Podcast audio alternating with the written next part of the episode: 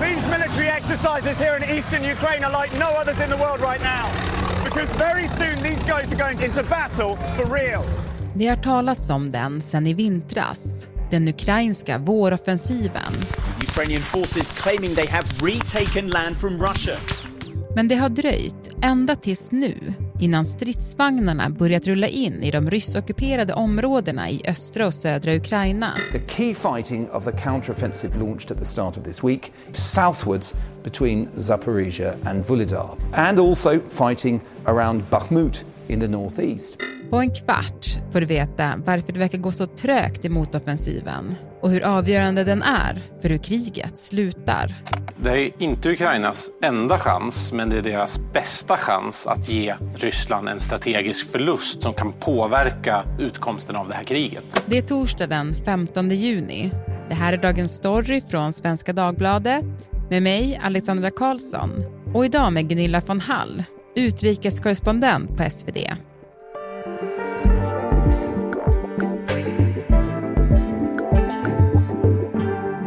Gunilla, vi ska ju prata om den ukrainska motoffensiven idag och den hörde jag talas om första gången i vintras, men då kallades den ju för våroffensiven. Nu är det mitten av juni och nu är den igång. Men du, varför har det dröjt så länge? Det har nog dröjt länge av olika skäl. Dels så var de tvungna att se till att alla västerländska vapen fanns på plats, att man hade fått allting och alla stridande. Och sen var det nog också så att man måste överväga att har vi gjort rätt, har vi mobiliserat på rätt sätt? För vi måste ha framgång. Vi måste ta tillbaka mark, vi får inte misslyckas.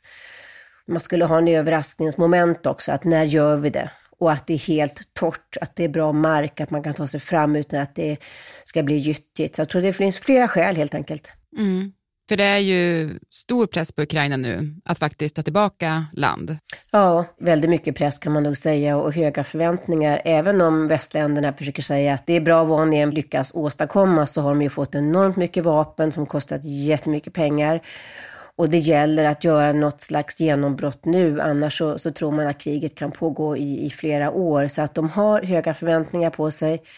Och om de inte lyckas så kan ju faktiskt vapnen och stödet från väst börja sina och det är Ukraina orolig för. Mm. Vi ska gå in på hur det ser ut då i motoffensiven, men först tänkte jag bara kolla. Du var ju med i podden förra veckan apropå dammkatastrofen i Ukraina. There's a massive rescue effort going on here. The local authorities are using boats and also heavy trucks to get as many people out. Alltså, hur stort bakslag var den för den ukrainska motoffensiven? Kanske ett mindre bakslag ändå, för att det här gör ju, när dammen då kollapsade så kan man ju då inte på samma sätt gå över floden och anfalla därifrån, från Cherson. Och för ryssarna så innebär ju det att den delen av frontlinjen är inte lika hotfull längre. Och därmed kan ju de, eller har de ju kunnat flytta en del av sina soldater till andra platser. De har kunnat förstärka sitt försvar då, så att det har kanske spelat en viss roll, men troligen inte avgörande. Mm. Vad är det som Ukraina försöker göra nu då? Nu kan man nog, eh, så vitt vi vet, det är mycket vi inte vet, för det är enorm tystnad som omger den här offensiven.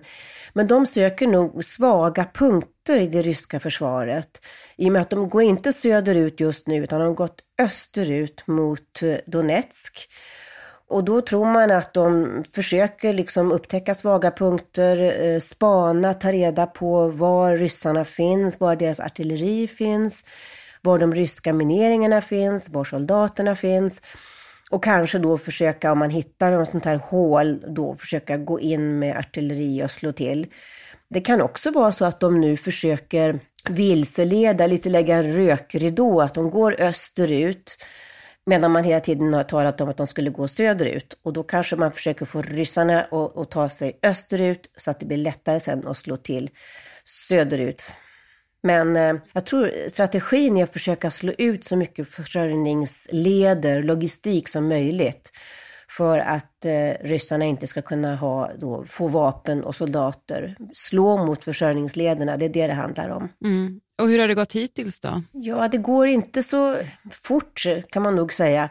Det, återigen, det har att göra med förväntningarna, men hittills har man tagit ett kluster kan man säga med en 6-7 byar kring Donetsk. De är i stort sett övergivna, det finns inga människor kvar. Strategiskt är det ganska magert. Och det finns också en hel del videofilmer som visar att ukrainska stridsfordon har slagits ut. Russia has destroyed Western supplied equipment, including German tanks and American armored fighting vehicles. Inte så många som Putin hävdar sannolikt. Han säger att 160 stridsvagnar har förstörts, men så många eh, tror få att det handlar om. Men det går nog ganska trögt. Man ska tänka på att det är liksom väldigt öppet landskap.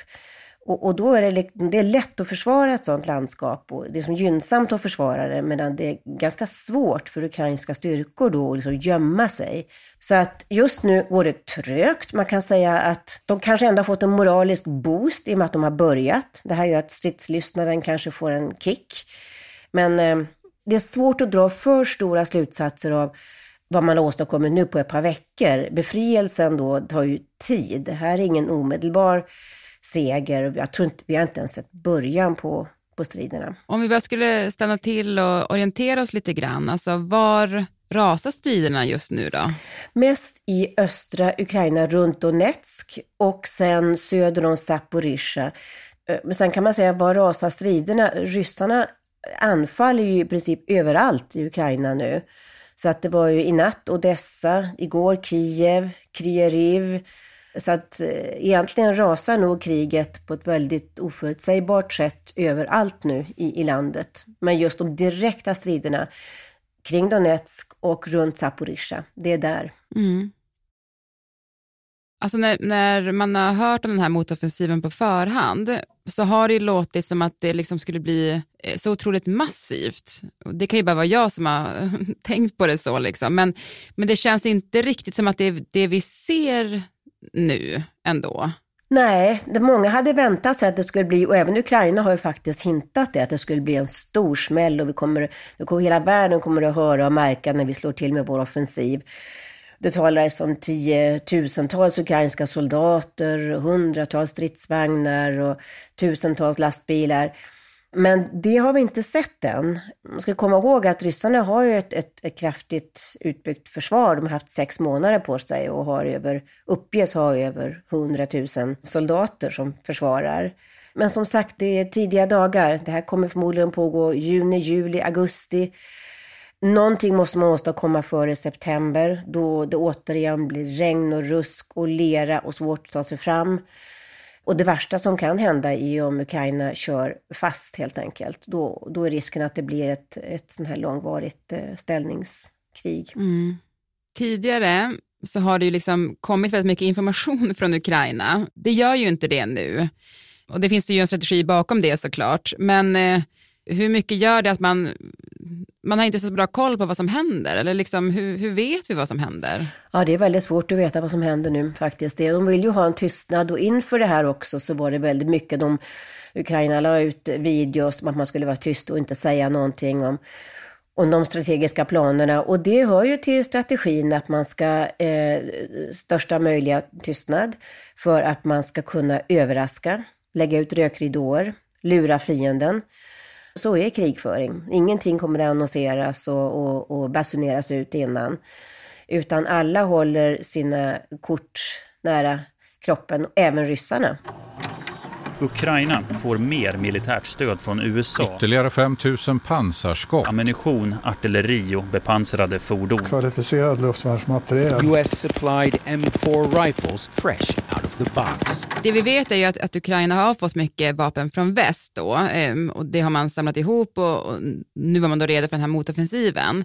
Men finns det något mer som de kan ta till? Alltså har man använt alla vapen man fått av väst eller finns det något S i rockarmen ifall det skulle bli stiltje? Hmm. Inte för tillfället kan man nog säga. De har ju fått enormt mycket artilleri och stridsvagnar och annat och, och mer är på väg. Från USA framför allt. Men det de inte har, de säger att de verkligen behöver, det är ju stridsflyg. Och då ska ju F16 vara på väg, men det kommer att ta tid. Och då kanske det kommer för, för sent, då det redan är ett, ett ställningskrig som man inte kan, kan rubba. Men det är väl det som de inte har. Och samtidigt så, så möter de ju ryssarna med massivt försvar. Det här är tufft. Och Ukraina har som sagt inget skydd från luften och då är det väldigt svårt att göra ett anfallskrig.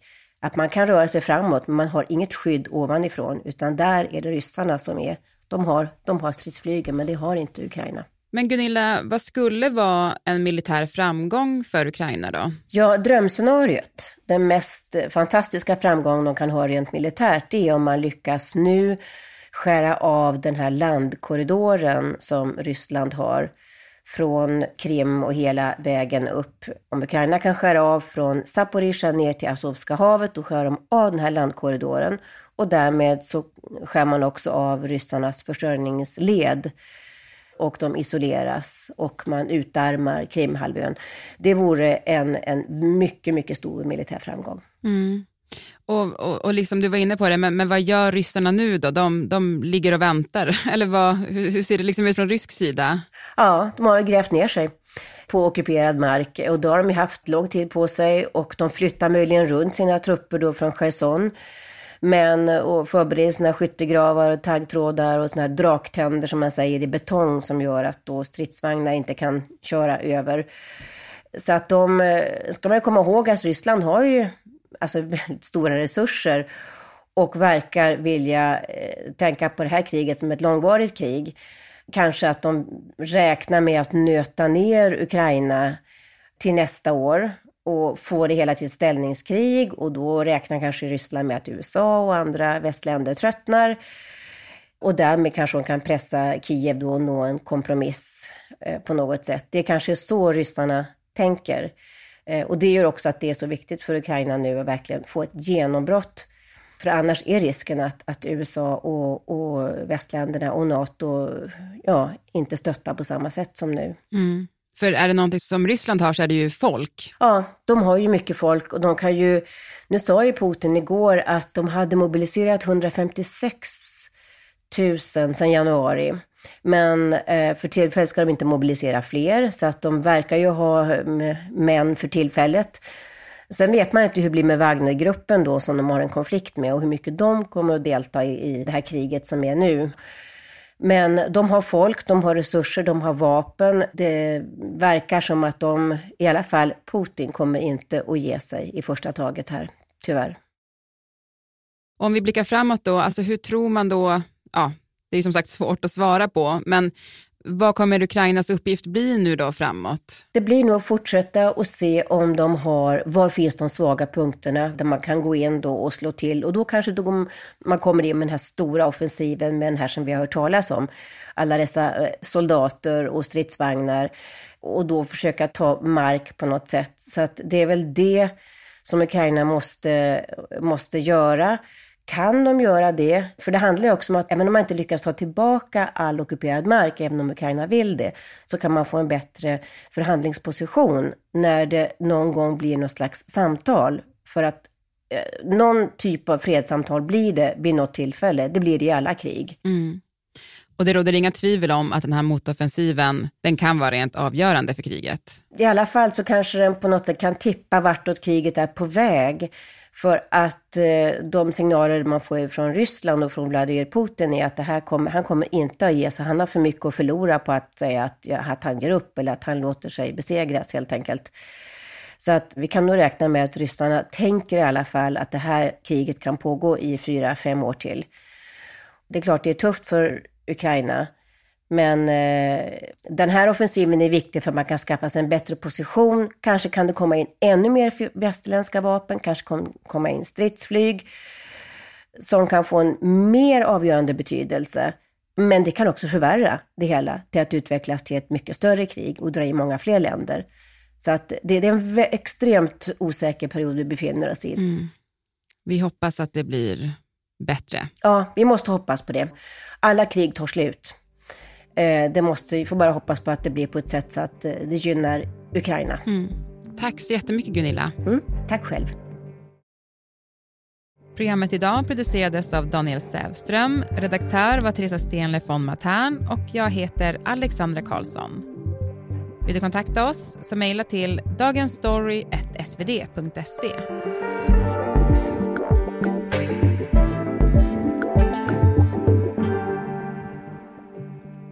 Och klippen i programmet kom från ABC News, BBC, SVT Nyheter, CNN och CBS.